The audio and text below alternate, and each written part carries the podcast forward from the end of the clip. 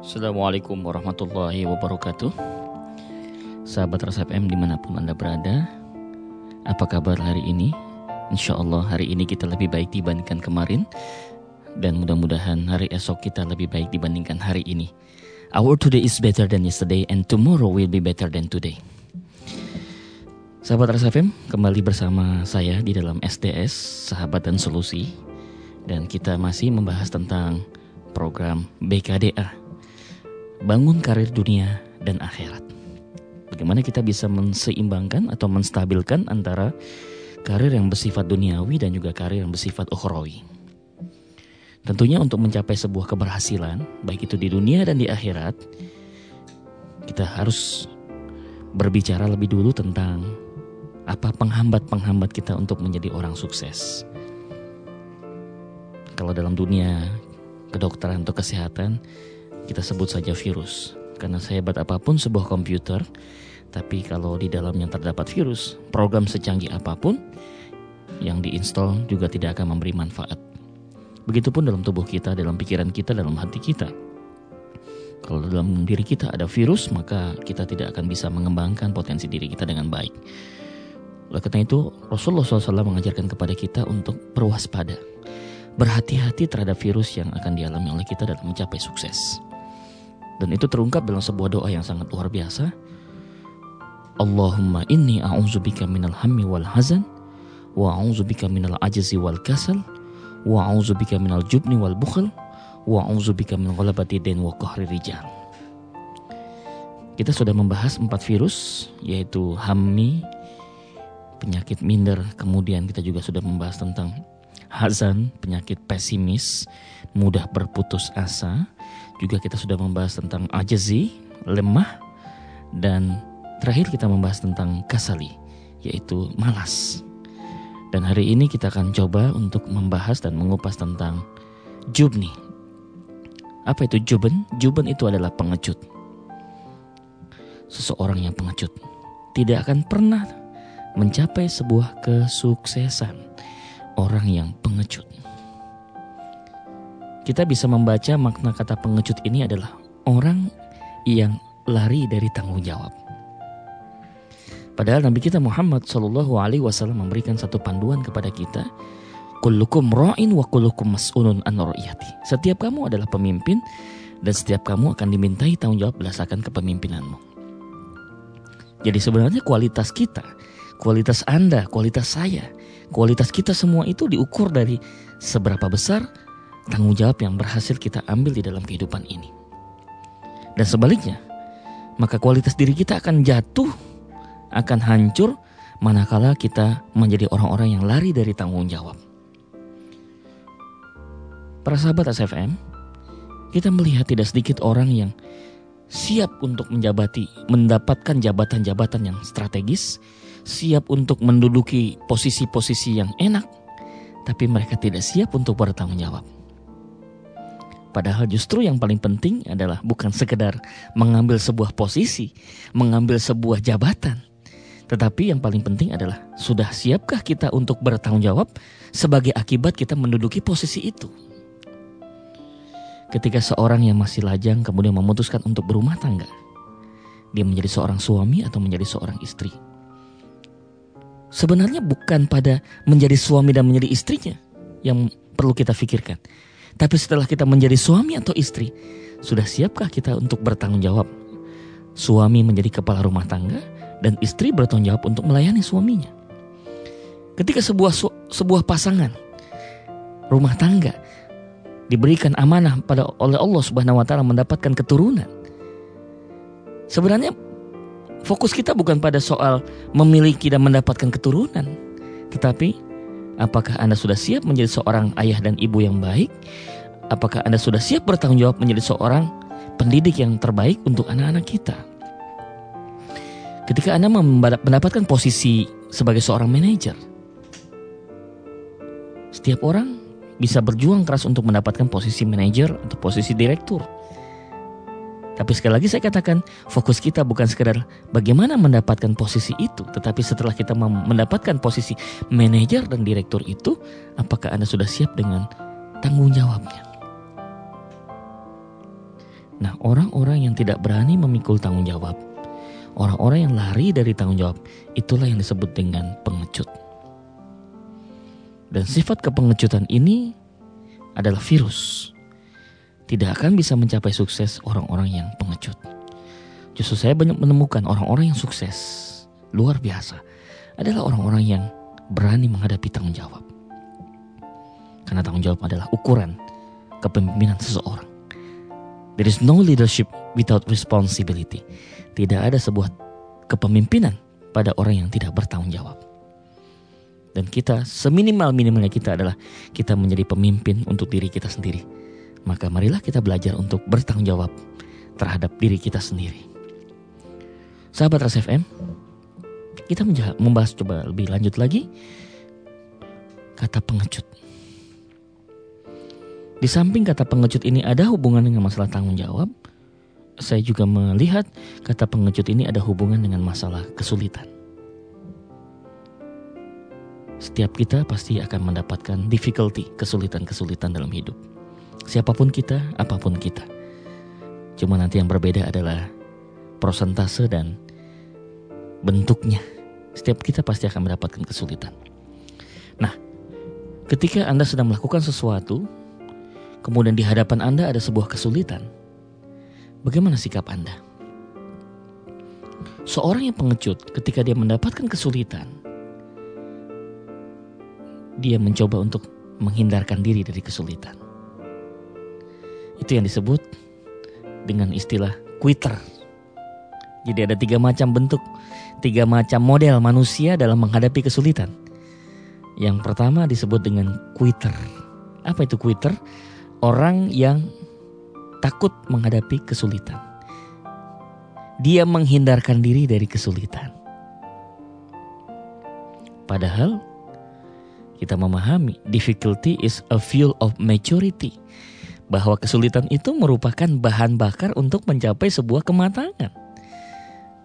Orang itu menjadi matang karena banyak menghadapi kesulitan. Dia banyak mengumpulkan kesulitan saya yang dewasa atau Anda yang dewasa adalah saya yang telah memiliki dan mengumpulkan begitu banyak kesulitan-kesulitan hidup. Saya yang tidak dewasa artinya adalah saya yang tidak siap untuk memikul kesulitan-kesulitan dalam hidup. Maka sahabat RSFM yang ingin cepat menjadi dewasa dan ingin cepat matang, kumpulkanlah kesulitan-kesulitan sebanyak mungkin. Hadapi, bukan menghindarkan diri dari kesulitan. Nah, orang yang menghindarkan, menghindarkan diri dari kesulitan itulah yang disebut dengan quitter, pengecut. Kemudian model yang kedua adalah campers. Apa itu campers? Orang yang ketika menghadapi kesulitan, dia tidak lari, dia tidak tidak tidak menghindar terhadap kesulitan, tapi dia juga tidak maju. Dia hanya jalan di tempat. Dia hanya sekedar mengamat-amati kesulitan itu. Dia asyik menganalisis kesulitan-kesulitan itu. Dia asyik berpikir tentang kesulitan itu, tapi tidak pernah berusaha bagaimana caranya mengatasi kesulitan itu. Hidupnya hanya sebagai seorang penonton, pengamat, observer. Kita tidak akan menjadi maju kalau hanya sekedar menonton. Kita harus menjadi pelaku. Kita harus menjadi seorang doer, menjadi seorang yang bertindak bukan sekedar mengamat-amati atau menonton atau mengobservasi. Sahabat RSFM, kemudian yang ketiga, idealnya kita sebagai seorang manusia, sebagai hamba Allah Subhanahu wa taala, ketika diberikan kesulitan oleh Allah Subhanahu wa taala, maka kita hadapi kesulitan itu. Memang di dalam menghadapi kesulitan itu ada dua kemungkinan, sahabat RSFM. Kemungkinan yang pertama adalah berhasil dan kemungkinan yang kedua adalah gagal. Kalaupun nanti ujungnya adalah berhasil atau gagal, bukanlah satu kerugian buat kita. Karena gagal pun juga adalah satu keuntungan. Bahwa kita mendapatkan satu keuntungan mempelajari satu jenis kegagalan dalam menghadapi kesulitan. Dan saya sudah katakan tadi, semakin banyak jenis-jenis kegagalan yang Anda peroleh dalam menghadapi kesulitan akan mengantarkan Anda menjadi orang-orang yang dewasa dan matang. Baik sahabat SFM, kita akan kembali setelah pesan-pesan berikut ini.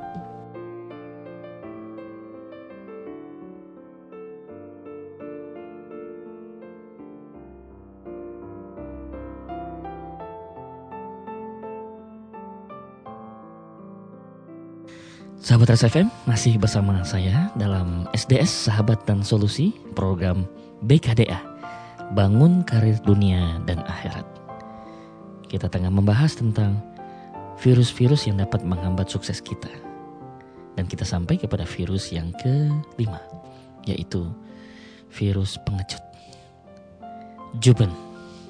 Yang dikatakan Rasulullah dalam sebuah doa, Allahumma inni a'udzubika minal jubni wal bukhl yaitu penyakit. Ya Allah, lindungilah aku, jauhkanlah aku dari penyakit pengecut. Itulah sahabat SFM virus yang harus kita waspadai dan kita perhatikan yaitu virus pengecut. Tadi saya sudah, sudah sampaikan, janganlah kita menjadi orang-orang yang quitters. Pengecut adalah orang-orang yang quitters, hanya bisa lari dari kesulitan. Kita juga tidak ingin menjadi orang-orang yang campers, hanya sekedar berpikir, menganalisis, dan mengamat-amati kesulitan. Tapi jadilah kita orang-orang yang bersedia untuk menghadapi kesulitan. Melewati kesulitan. Walaupun nanti akan ada dua kemungkinan berhasil dan gagal. Tetapi yakinlah sahabat SFM. Kalaupun kita gagal dalam menghadapi kesulitan. Kita pun mendapatkan manfaat. Yaitu kita akan semakin bertambah matang dan semakin dewasa. Seorang istri yang melakukan kesalahan di hadapan suaminya. Dia belajar untuk menjadi seorang istri yang dewasa. Seorang ibu yang salah dalam mendidik anaknya, maka dia akan belajar sebuah kedewasaan menjadi seorang ibu yang matang. Jangan pernah takut menghadapi kesulitan. Karena kesulitan itu diberikan Allah Subhanahu wa taala untuk mengangkat derajat kita, mengangkat kedudukan kita. Coba Anda perhatikan. Banyak sekali orang-orang yang menjadi sukses karena dia mendapatkan begitu banyak kesulitan-kesulitan, begitu banyak hambatan-hambatan. Mungkin Anda masih ingat dulu waktu kita belajar tentang ilmu kelistrikan. Kita mengenal ada yang namanya resistor. Ada yang namanya arus. Dan ada yang namanya tegangan. Coba Anda perhatikan tegangan itu adalah arus dikali hambatan. Maknanya adalah ketika arus itu datang besar, kemudian juga tahanannya besar, maka tegangannya pun akan ikut besar. Seperti Anda bayangkan, sebuah air yang mengalir di air terjun dengan di sungai yang tenang tentu akan berbeda. Mana yang lebih punya kekuatan, yaitu air yang melewati sebuah air terjun. Artinya apa? Dalam hidup ini pun kita juga demikian. Naik dan turunnya sebuah reputasi seseorang. Tinggi dan rendahnya derajat seseorang. Salah satunya diukur dari seberapa tinggi kualitas kesulitan yang dialami dalam hidup. Kita mengenal Nabi Muhammad SAW sejak kecil, bahkan sejak lahir, beliau sudah dilingkari dengan kesulitan-kesulitan. Itulah cara Allah mendidik beliau. Sebagaimana kata beliau, ada bani Robbi fa'asanan takdibi. Aku ini dididik oleh Allah dan Allah sebaik-baik pendidik tarbiyah zatiyah. Nabi Muhammad mendapatkan pendidikan langsung dari Allah Subhanahu wa taala, dikasih kesulitan. Lahir dalam kondisi yatim, kesulitan pertama. Kesulitan kedua usia lima tahun ibunya meninggal. Dalam usia lima tahun sudah yatim piatu. Kemudian ikut dengan kakeknya. Tidak lama kemudian meninggal juga. Dalam usia masih muda, remaja, dia sudah diajak berdagang. Diajak untuk menjadi seorang entrepreneur banyak kesulitan-kesulitan yang dihadapi. Sampai pada usia menikah pun ya, beliau juga mengalami kesulitan-kesulitan di dalam hidup. Sampai ketika beliau dianggap menjadi nabi, lebih sulit lagi yang dihadapi oleh beliau. Sampai pada usia 50 tahun Nabi mengalami kesulitan. Ditinggal oleh pamannya Abu Talib dan ditinggal oleh istrinya Khadijah yang sering disebut dengan istilah tahun kesedihan. Begitu banyak kesulitan-kesulitan itu menerpa kehidupan beliau Tapi di balik itu semua ternyata mengantarkan beliau menjadi seorang yang sangat bijak, seorang yang sangat matang di dalam kehidupan. Kita pun juga belajar seperti itu. Jadi kalau kita sekarang menghadapi kesulitan, jawaban kita adalah ahlan wasahlan ya. Ahlan wasahlan. Selamat datang kesulitan. Kita selalu menghadapi kesulitan itu dengan senyuman, bukan sebuah kekecewaan. Karena kesulitan itu adalah pengantar kita batu loncatan kita untuk menjadi dewasa dan matang. Sahabat SFM, kata pengecut pun tidak bisa kita lepaskan dari sebuah resiko. Orang yang pengecut adalah orang yang tidak berani mengambil resiko. Istilahnya safety player, cari aman. Kalau dia bekerja di kantor, dia ingin cari aman. Ketika ada kesulitan-kesulitan yang ada di kantor, dia tidak mau menghadapi resiko itu. Ketika ada keributan-keributan di antara temannya, dia tidak ada usaha bagaimana caranya mendamaikan teman-temannya. Dia tidak mau ambil resiko. Orang-orang yang disebut dengan risk avoider. Orang-orang yang menghindari resiko. Dan kita tahu, orang-orang yang menghindarkan diri dari resiko biasanya adalah orang-orang yang kesulitan untuk mengambil keputusan. Orang-orang yang Menghindari resiko biasanya orang yang sulit mengambil keputusan. Ada dalam keraguan. Tidak yakin dengan keputusan-keputusan yang diambil. Kenapa bisa terjadi demikian?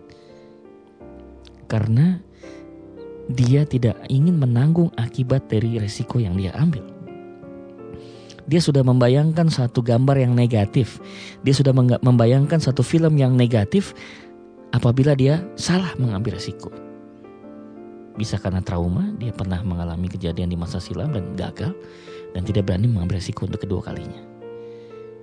Ketika seorang pegawai keluar dari perusahaan, kemudian dia mulai merintis untuk menjadi seorang wira swastawan atau wira swastawati, wira usaha, tiba-tiba usahanya bangkrut dan dia setelah itu tidak akan melakukan bisnis lagi untuk kedua kalinya karena sudah mengalami kegagalan dan akhirnya kembali menjadi seorang pegawai tidak berani ambil resiko.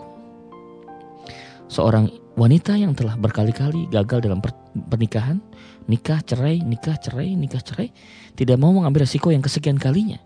Pada boleh jadi suami yang terakhir itulah suami yang bisa mengantarkan dirinya menjadi rumah tangga surga. Tapi dia sudah dibawa satu perasaan traumatis.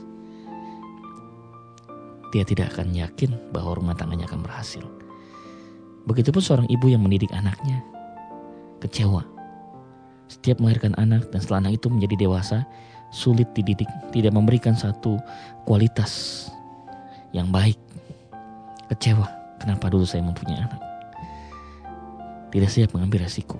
Padahal sebenarnya ketika seorang ibu yang sedang hamil, maka dia sudah mempersiapkan resiko yang terjadi kalau seandainya anak ini lahir dan dia punya kewajiban untuk mendidik. The first school is at home and the first teacher is mother. Al satu ula fil usroh kata Nabi. Sekolah pertama itu ada di rumah. Dan sebaik-baik pendidik buat anak kita adalah ibunya sendiri. Bukan guru di sekolah. Bukan tokoh masyarakat. Tapi ibunya sendiri. Itu sebabnya sekarang kita melihat fenomena tentang homeschooling yang begitu marak di dalam masyarakat dan cukup diminati saat ini. Terutama untuk para orang tua yang sibuk atau si calon siswanya ini juga yang memiliki kesibukan yang cukup tinggi, mobilitas yang cukup banyak, sehingga konsep homeschooling ini lebih memungkinkan karena sistemnya lebih fleksibel dan lebih praktis, sehingga cukup banyak diminati oleh sebagian kecil masyarakat. Tidak mustahil nanti ini menjadi sebuah fenomena umum. Orang su sudah mulai menghindar pendidikan-pendidikan yang bersifat formal, tapi justru mereka lebih percaya pada pendidikan-pendidikan yang semacam ini. Dan terus terang secara pribadi sahabat SFM saya ingin mengatakan pada Anda semua bahwa apa yang saya alami dalam dalam proses pendidikan baik itu formal ataupun non formal jujur saya katakan 70% kematangan kedewasaan yang saya peroleh secara pribadi bukanlah semata-mata karena pendidikan formal tapi justru saat saya menjadi seorang mahasiswa di dalam kampus kehidupan Life University kita mendapatkan pelajaran yang sangat banyak yang tidak mungkin kita dapatkan lewat pendidikan formal. Kita belajar tentang kejujuran, kita belajar tentang ketulusan, kita belajar tentang sebuah kerjasama, kita belajar bertoleransi, kita belajar memberikan respect. Kita belajar memberikan optimisme. Dan itu saya dapatkan ketika kita belajar di dalam universitas kehidupan. Baik sahabat SFM, kita akan bahas bagaimana hubungan resiko dengan sebuah sikap pengecut. Kita akan bahas setelah pesan-pesan berikut ini.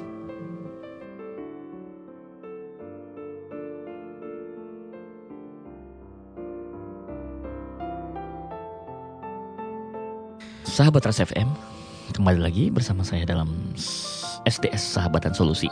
Masih dalam program BKDA, Bangun Karya Dunia Akhirat. Kita masih tengah membahas tentang virus pengecut dapat menghambat Anda untuk mencapai sukses, baik itu duniawi maupun ukhrawi. Sahabat Ras FM, salah satu unsur penting di dalam strategi perubahan itu adalah jihad. Ada trilogi strategi perubahan. Iman, hijrah, dan jihad. Iman adalah komitmen, hijrah adalah transformasi, dan jihad adalah aksi. Berjuang. Ada orang yang siap beriman, siap berhijrah, tapi tidak siap berjihad. Apa yang sebelum jihad? Mengerahkan seluruh potensi dan kemampuannya untuk mencapai satu tujuan yaitu tujuannya adalah mencari ridho Allah Subhanahu wa taala. Ada orang yang siap berjuang tapi tidak siap berkorban. Seorang yang pengecut, seorang yang punya kemampuan untuk berjuang tapi dia tidak lakukan. Atau seorang yang punya kemampuan berjuang tapi dia tidak siap berkorban. Tapi dia ingin mendapatkan hasilnya. Sahabat SFM, maka dari sekarang kita mulai harus berakrab-akrab. Bersahabat dengan yang namanya resiko. Karena orang yang menghindarkan resiko itu kan pengecut. Berarti supaya kita tidak menjadi orang yang pengecut, maka kita harus berhubungan dengan baik dengan yang namanya resiko. Karena sunatullahnya mengatakan kepada kita bahwa high risk, high profit, high risk, high opportunity. Setiap yang resikonya tinggi, itu akan mendatangkan peluang yang besar itu akan mendatangkan keuntungan yang besar. Begitulah sunatullahnya mengatakan kepada kita. Kalau Anda ingin mendapatkan hasil yang besar, ingin mendapatkan keuntungan yang banyak, maka resikonya itu akan besar. Contoh, seorang captain pilot Boeing 747-400 seri 400 yang bekerja di sebuah airline nasional. Sedikitnya dia akan mendapatkan gaji tetap kurang lebih 60 juta rupiah sebulan. Fixed income, gaji tetap 60 juta sebulan. Mungkin Anda akan berkomentar, kok gaji pilot mahal ya? Padahal kan cuma bawa pesawat doang, sama seperti seorang supir bawa mobil. Cuma beda judul aja yang satu mobil, yang satu pesawat. Maaf sahabat Ras FM, Seorang pilot digaji besar itu bukan lantaran dia punya keahlian membawa pesawat. Tapi yang membuat gajinya menjadi besar itu karena dia harus menanggung resiko keselamatan seluruh penumpang. Itu masalahnya. Jadi kalau dia membawa pesawat terbang dengan 300 penumpang, kemudian tiba-tiba terjadi kecelakaan, terjadi musibah lantaran kelalaian dari keputusan yang diambil oleh seorang pilot, maka dialah yang harus menanggung resiko semuanya. Dalam konsep dosa, dia ikut menanggung dosa dari tewasnya sekian ratus penumpang. Untuk itulah dia digaji mahal. Bukan karena sekedar mengemudikan pesawat. Tapi karena dia harus menanggung resiko yang besar. Setiap yang menanggung resiko besar, maka berhak mendapatkan keuntungan yang besar. Coba pertanyaannya adalah, banyak di antara kita ingin mendapatkan keuntungan yang besar, tapi tidak siap menanggung resikonya. Ini sangat tidak mungkin. Anda ingin dapatkan hasil besar, tapi ingin resikonya minimal, tidak bisa. Sunnatullah mengajarkan kepada kita adalah setiap yang resikonya besar akan mendatangkan keuntungan yang besar. Jadi supaya kita bisa mendapatkan keuntungan besar, kita mulai berakrab-akrab, mulai bersahabat dengan resiko. Kita tidak menjadi grogi, tidak menjadi nervous atau cemas karena berhadapan dengan resiko. Karena kalau kita sudah punya hubungan yang baik dengan resiko, setiap kali dia datang dan pergi tidak akan membuat kita menjadi nervous. Kita akan selalu siap. Dan itulah ciri orang yang pemberani, bukan ciri orang yang pengecut. Sahabat RSFM, bisa juga dimaknai seorang pengecut, seorang yang tidak berani menghadapi sesuatu itu dengan apa yang dia miliki. Dia ingin mendapatkan backing, mendapatkan support dari pihak lain. Contoh, ketika Anda berselisih dengan teman Anda, karena Anda merasa tidak mampu berhadapan langsung dengan teman Anda, maka Anda menggalang, memobilisir teman-teman lain, teman-teman yang mendukung Anda untuk melawan dia. Ini namanya Anda pengecut. Kenapa Anda tidak hadapi langsung? Bertanya, selesaikan. Tapi tidak sedikit di antara kita ya, mengumpulkan orang lain sebanyak-banyaknya untuk melawan satu orang yang kita tidak senangi. Ini pengecut. Atau kita tidak berani berhadapan secara langsung. Kita menggunakan pihak ketiga untuk memenuhi keinginan-keinginan kita. Pihak ketiga itu yang harus bertanggung jawab terhadap apa yang kita inginkan. Apalagi kita tahu di zaman sekarang ini segala sesuatu bisa dibeli asalkan kita punya uang. Ada seorang istri yang kecewa terhadap suaminya karena suaminya itu selingkuh. Maka sang istri pun membayar seorang pembunuh profesional untuk membunuh suaminya sendiri. Pengecut. Bahwa seorang suami itu berselingkuh, ya itu adalah perbuatan dosa dan tidak boleh dilakukan dalam sebuah rumah tangga. Tapi cara penyelesaiannya ini adalah menunjukkan bahwa betapa kita pengecut. Ada seseorang pengusaha, dia menghadapi kompetitor, saingan usahanya, tapi dia tidak berani berhadapan secara langsung. Kemudian digunakan pihak ketiga untuk menghancurkan kompetitornya. Ini pengecut. Seorang anggota legislatif yang dipilih oleh rakyat tiba-tiba didemo oleh masyarakat karena kebijakannya itu dianggap tidak sesuai dan tidak adil oleh masyarakat, kemudian disuruhlah aparat keamanan untuk berhadapan dengan para pendemo. Ini pengecut. Karena yang mengeluarkan kebijakan adalah Anda, Anda yang harus bertanggung jawab dan turun ke lapangan, jelaskan pada mereka kenapa kebijakan itu terjadi. Seorang pemimpin, kepala negara, ketika dia mengeluarkan sebuah keputusan, di mana keputusan itu berakibat buruk bagi sebuah perjalanan sebuah bangsa, dan akibatnya dia harus menghadapi protes dari sekian banyak warganya, rakyatnya, bukan mengerahkan kekuatan keamanan, kekuatan tentara untuk melawan masyarakatnya sendiri. Berarti Anda sedang berhadapan dengan rakyat Anda sendiri. Kenapa Anda tidak turun? Ini sebuah tindakan pengecut. Dan seorang pengecut adalah orang yang tidak mau mengakui kesalahannya. Dia salah, tapi tidak mau mengakui kesalahannya. Memang tidak mudah, dibutuhkan satu kebesaran jiwa dan kebesaran hati untuk mengakui kesalahan kita. Apalagi ini terjadi kepada orang-orang yang sudah dalam posisi yang tinggi, orang yang sudah cukup dikenal, populer, orang yang cerdas, orang yang pintar, orang yang jenius, menjadi semakin sulit untuk mengakui kesalahannya. Anda tahu apa yang menyebabkan iblis tidak mau sujud kepada Nabi Adam? Karena perasaan enggan dan sombong. Karena iblis merasa lebih baik dibandingkan Nabi Adam, sehingga dia tidak mau sujud. Dia merasa lebih populer, dia merasa lebih baik, dia merasa lebih hebat, lebih senior.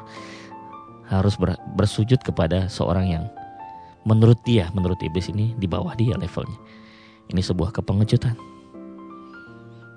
Marilah mulai sekarang kita belajar untuk mulai mengakui kelebihan-kelebihan istri kita, wahai para suami. Suami yang tidak pengecut adalah suami yang siap untuk mengakui kelebihan istrinya. Seorang ibu yang tidak pengecut adalah siap mengakui kelebihan anak-anaknya. Siapa pun kita ketika menghadapi kesulitan, hadapi kita secara langsung, tidak menggunakan orang lain. Tapi ada satu hal yang saya sarankan pada Anda, dalam menghadapi kesulitan yang sangat besar, sangat hebat sehingga Anda merasa Anda tidak mampu menghadapinya, Anda boleh minta bantuan kepada Allah. Udu'uni astajib lakum. Surah Al-Mu'min ayat 60. Ketika engkau menghadapi kesulitan, jangan lupa kita mohon kekuatan kepada Allah. Rabbi adakhilni mudakhala sedakin wa akhridni mukhraja sedakin wa ja'alni min ladunka sultanan nasir Anda akan mendapatkan kekuatan dan kemenangan kalau Anda memohonkan minta jalan keluar yang terbaik kepada Allah Subhanahu wa taala. Jangan pernah Anda mengharapkan bantuan pada manusia. Berharaplah kepada yang maha, memiliki segala keluar biasaan. Itulah Allah Subhanahu wa taala. Sahabat Ras FM, kembali pada istilah pengecut tadi. Seorang pengecut, seseorang yang selalu berusaha menghadapi semua persoalan itu dengan dirinya sendiri, tidak dengan tameng apa pun. Ya. Tidak dengan tameng orang tua, tidak tameng jabatan, tidak tam dengan tameng kekayaan. Tapi dia hadapi langsung. Baik, nanti kita akan bahas setelah beberapa pesan-pesan berikut ini, yaitu bagaimana cara kita langkah-langkah untuk menjadi orang yang tidak pengecut.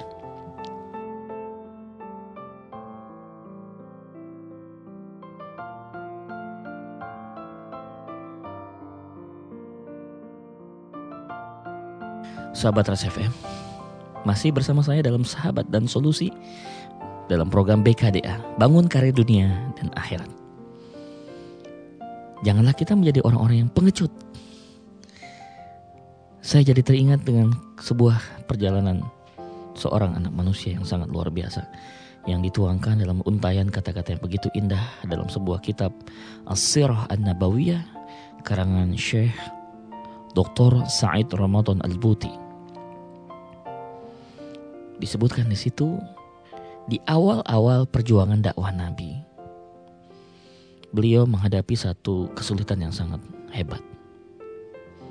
Kesulitan itu tidak semata-mata hanya tekanan-tekanan yang bersifat fisik. Di teror fisik bukan hanya itu. Justru yang paling berat yang dialami oleh beliau adalah teror secara mental. Datanglah seorang negosiator dari kafir Quraisy menemui Nabi Muhammad SAW dia ingin bernegosiasi dengan Nabi Muhammad. Hai Muhammad,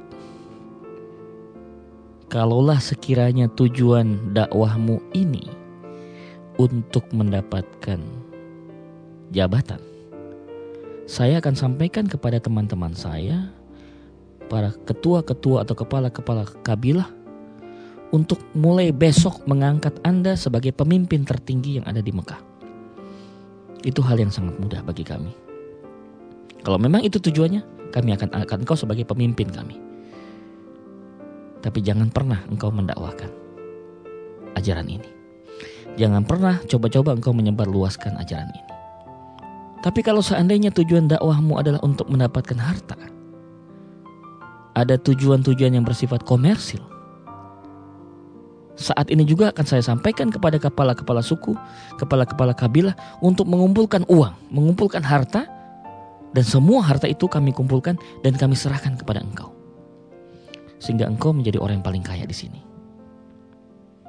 Atau kalau kau tidak berminat dengan kekayaan, engkau menginginkan seorang wanita, kami pilihkan wanita yang paling cantik.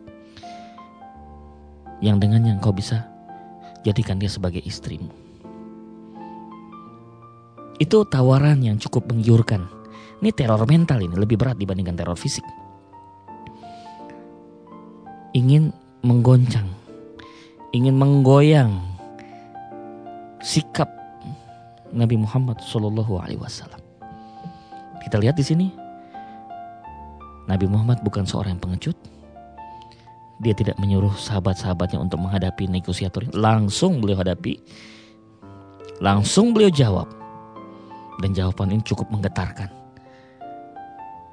Sampai-sampai sang negosiator sudah kehabisan kata-kata untuk bisa membujuk dan merayu Muhammad agar meninggalkan dakwah Islam.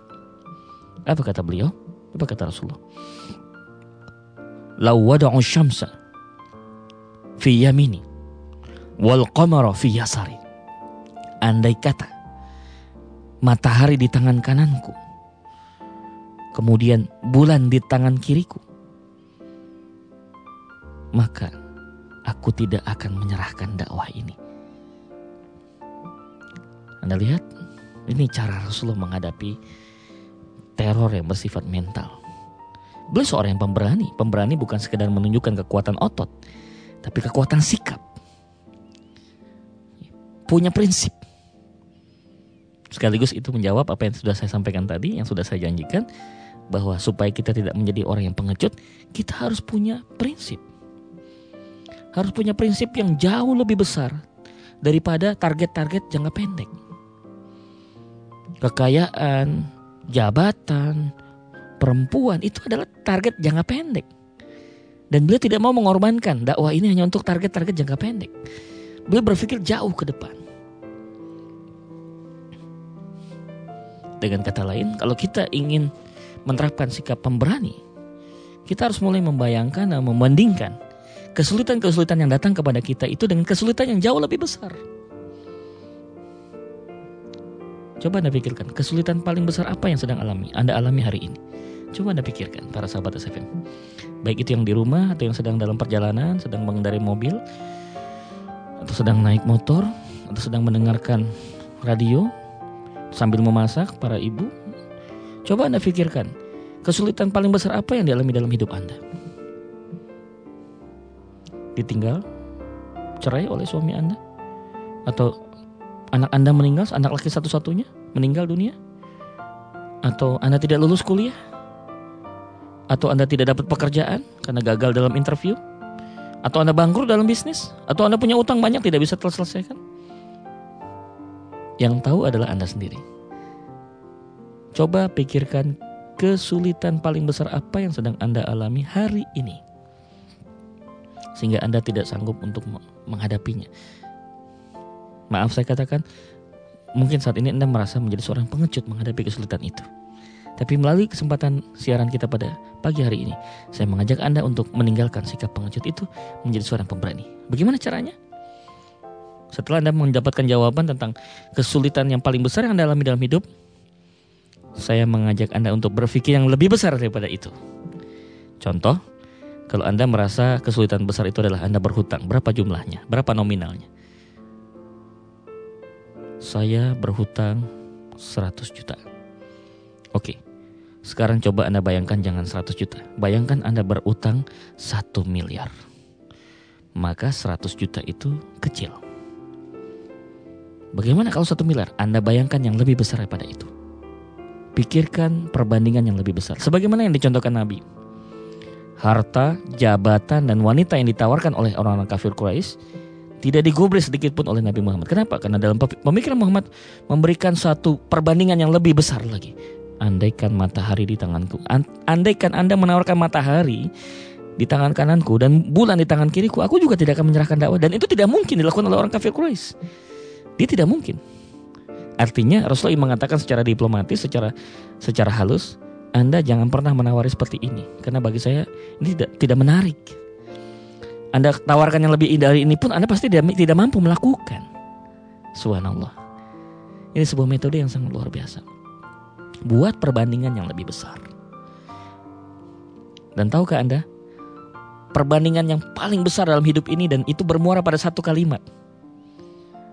Tahukah kalimat itu? Kalimat itu adalah Allahu Akbar. Allah Maha Besar. Kalau Allah sudah Maha Besar dalam hati dan pikiran Anda, maka semua kesulitan apa pun dalam hidup itu akan menjadi kecil. Kalau sampai detik ini dan sampai hari ini Anda merasa kesulitan itu masih tetap besar, maaf. Dengan berat hati saya mengatakan kepada Anda bahwa Allah di hati Anda kecil. Ketika Anda mengatakan kesulitan besar, itu artinya Allah itu kecil di hati Anda. Allah kecil dalam pikiran Anda.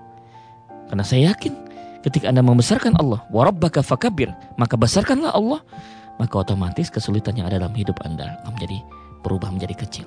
Memang kesulitan itu tidak akan hilang begitu saja, tapi Anda punya kepercayaan diri yang kuat untuk bisa menyelesaikan itu. Anda punya keberanian untuk bisa menyelesaikan masalah itu. Bukan sebaliknya, Anda pengecut. Nabi mengajarkan kepada kita bahwa untuk menghadapi kesulitan, bandingkan dengan sesuatu yang lebih besar. Dan semua yang paling besar itu bermuara pada satu hal, yaitu Allahu Akbar. Bahkan Nabi mengajarkan kita setiap habis sholat, jangan lupa untuk selalu menyisipkan, ucapkan takbir 33, 33 kali. Allahu Akbar, Allahu Akbar, Allahu Akbar. Ini bukan sekedar diucapkan, tapi dengan 33 kali kita mengucapkan itu artinya masuk dalam pikiran kita, menyebar ke seluruh jaringan tubuh kita, masuk ke dalam hati kita dan kita sangat yakini betul Memang benar ya Allah, Engkau maha besar. Harta itu kecil, jabatan itu kecil, kesulitan itu kecil. Engkau lah yang maha besar. Nah, di sinilah kita punya satu kesiapan untuk menghadapi semua kesulitan itu dengan dengan berani, bukan dengan kepengecutan. Itu tahap pertama. Bayangkan dengan perbandingan yang lebih besar. Kemudian yang kedua, kenapa kita kadang-kadang menjadi seorang yang pengecut? Karena kita kadang-kadang lebih banyak memakai perasaan kita daripada cara berpikir kita. Coba Anda pisahkan antara emosi, perasaan dengan pikiran. Kita sering kali terbawa oleh perasaan. Tapi tidak mencoba untuk berpikir dan berpikir. Maka salah satu ciri seorang ulil albab itu adalah bukan hanya berzikir tapi juga berpikir. Bagaimana prosesnya kita supaya bisa berpikir dengan produktif? Kita akan sambung setelah pesan-pesan berikut ini.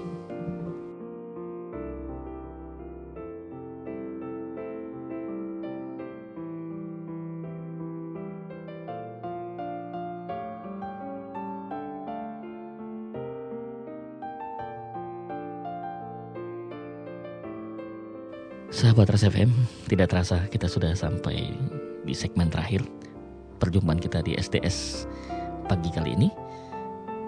Dan insya Allah kita akan tuntaskan bagaimana kita langkah-langkah menjadi seorang yang pemberani bukan seorang pengecut. Tadi saya sudah katakan poin pertama adalah bandingkan dengan hal yang lebih besar, kemudian yang kedua adalah pisahkan antara emosi dengan rasio. Ketika kita dalam menghadapi kesulitan itu melibatkan emosi, terlalu banyak melibatkan emosi membuat kita menjadi sangat melankolis, menjadi sangat manja. Kalau istilah anak kecil menjadi sangat kolokan kita tidak bisa menjadi orang-orang yang tegar dalam hidup ini. Coba kita berpikir dan berpikir karena salah satu ciri orang yang ulul abab itu adalah berpikir. Di samping berzikir mereka berpikir. Berpikirlah. Cobalah kita telusuri dari mana asal muasal kesulitan ini. Terus nanti ternyata ujungnya itu kesulitan itu ujungnya adalah berangkat dari cara kita berpikir yang salah. Karena ketika kita sudah merubah cara berpikir kita yang benar, maka yang namanya kesulitan itu justru nanti akhirnya menjadi sebuah peluang. Contoh, Anda merasa bahwa Anda menjadi seorang pengangguran itu adalah kesulitan. Tidak. Kalau Anda mampu merubah cara berpikir Anda tentang kesulitan itu. Anda buat satu definisi, Anda buat satu kerangka kalimat yang baru bahwa pengangguran itu artinya kita tidak produktif. Bukan tidak bukan hanya sekedar berhenti bekerja, tidak produktif. Hari ini Anda merasa punya potensi. Oke? Dan kita belajar bahwa untuk meningkatkan produktivitas salah satunya adalah dengan berkarya. Memunculkan gagasan-gagasan dan ide. Jadi, kalau Anda hari ini sebenarnya dalam posisi tidak bekerja atau tidak mendapatkan pekerjaan, tidak dapat gaji tetap, tapi Anda tetap punya gagasan kan? Anda punya ide-ide anda punya pengalaman, Anda punya potensi. Nah, coba kembangkan ini ide-ide dan gagasan ini nanti akan menjadi sebuah keuntungan, menjadi satu peluang. Anda menganggap para istri ketika Anda bercerai dengan suami Anda, apakah itu satu kesulitan? Iya, untuk tahap awal iya, itu manusiawi. Tapi pada tahap berikutnya kita melakukan redefinisi. Lakukan definisi ulang Cerai itu maknanya adalah, oh berarti saya punya waktu lebih banyak untuk mendidik anak-anak saya. Saya punya waktu lebih banyak untuk mengembangkan diri saya. Itu terjemahannya. Ketika Anda gagal dalam bisnis, oke okay, itu ada kesulitan. Tetapi tahap selanjutnya Anda harus melakukan definisi ulang terhadap kesulitan itu. Bukan bangkrut, bukan gagal dalam bisnis. Itu maknanya Anda melakukan satu perubahan definisi baru. Saya belum menemukan cara-cara yang efektif untuk bisa memajukan usaha saya. Temukan cara-cara yang lebih efektif. Datangi orang yang lebih pakar, datangi orang yang lebih berpengalaman. Jangan sungkan belajar sama orang yang sudah sukses. Pinjam ilmunya, pinjam pengalamannya, terapkan pada diri Anda. Anda akan mendapatkan sukses yang sama. Jadi yang ketiga supaya tidak menjadi orang yang pengecut, definisikan kembali kesulitan-kesulitan itu dengan suatu pemahaman yang lebih positif. Karena kesulitan itu yang buat adalah pikiran kita sendiri, maka kita kendalikan saja pikirannya. Sehingga dengan pikiran itulah akan membuat kita menjadi lebih positif dalam menilai sesuatu. Dan supaya pikiran supaya pikiran tetap positif harus disuplai. Disuplai dengan satu energi. Dari mana energi itu? Dari hati. Bentuknya bagaimana? Zikrullah, berzikir kepada Allah. Dan kita selalu berzikir kepada Allah, maka pikiran kita selalu mendapatkan suplai energi yang positif terus. Subhanallah, maha suci Allah, masuk energi. Astagfirullah, ya Allah ampunin aku masuk. Alhamdulillah, bersyukur kepada Allah masuk. La haula wa la quwata illa billah masuk. Semua ucapan-ucapan zikir itu akan memberikan energi positif. Baca Quran itu juga memberikan energi positif pada Anda. Mendengarkan ceramah-ceramah, mendengarkan tausiah-tausiah dari para ulama, orang-orang soleh, itu energi. Dia akan mampu memberdayakan pikiran menjadi lebih powerful, lebih lebih berkekuatan dan lebih meaningful, bermakna.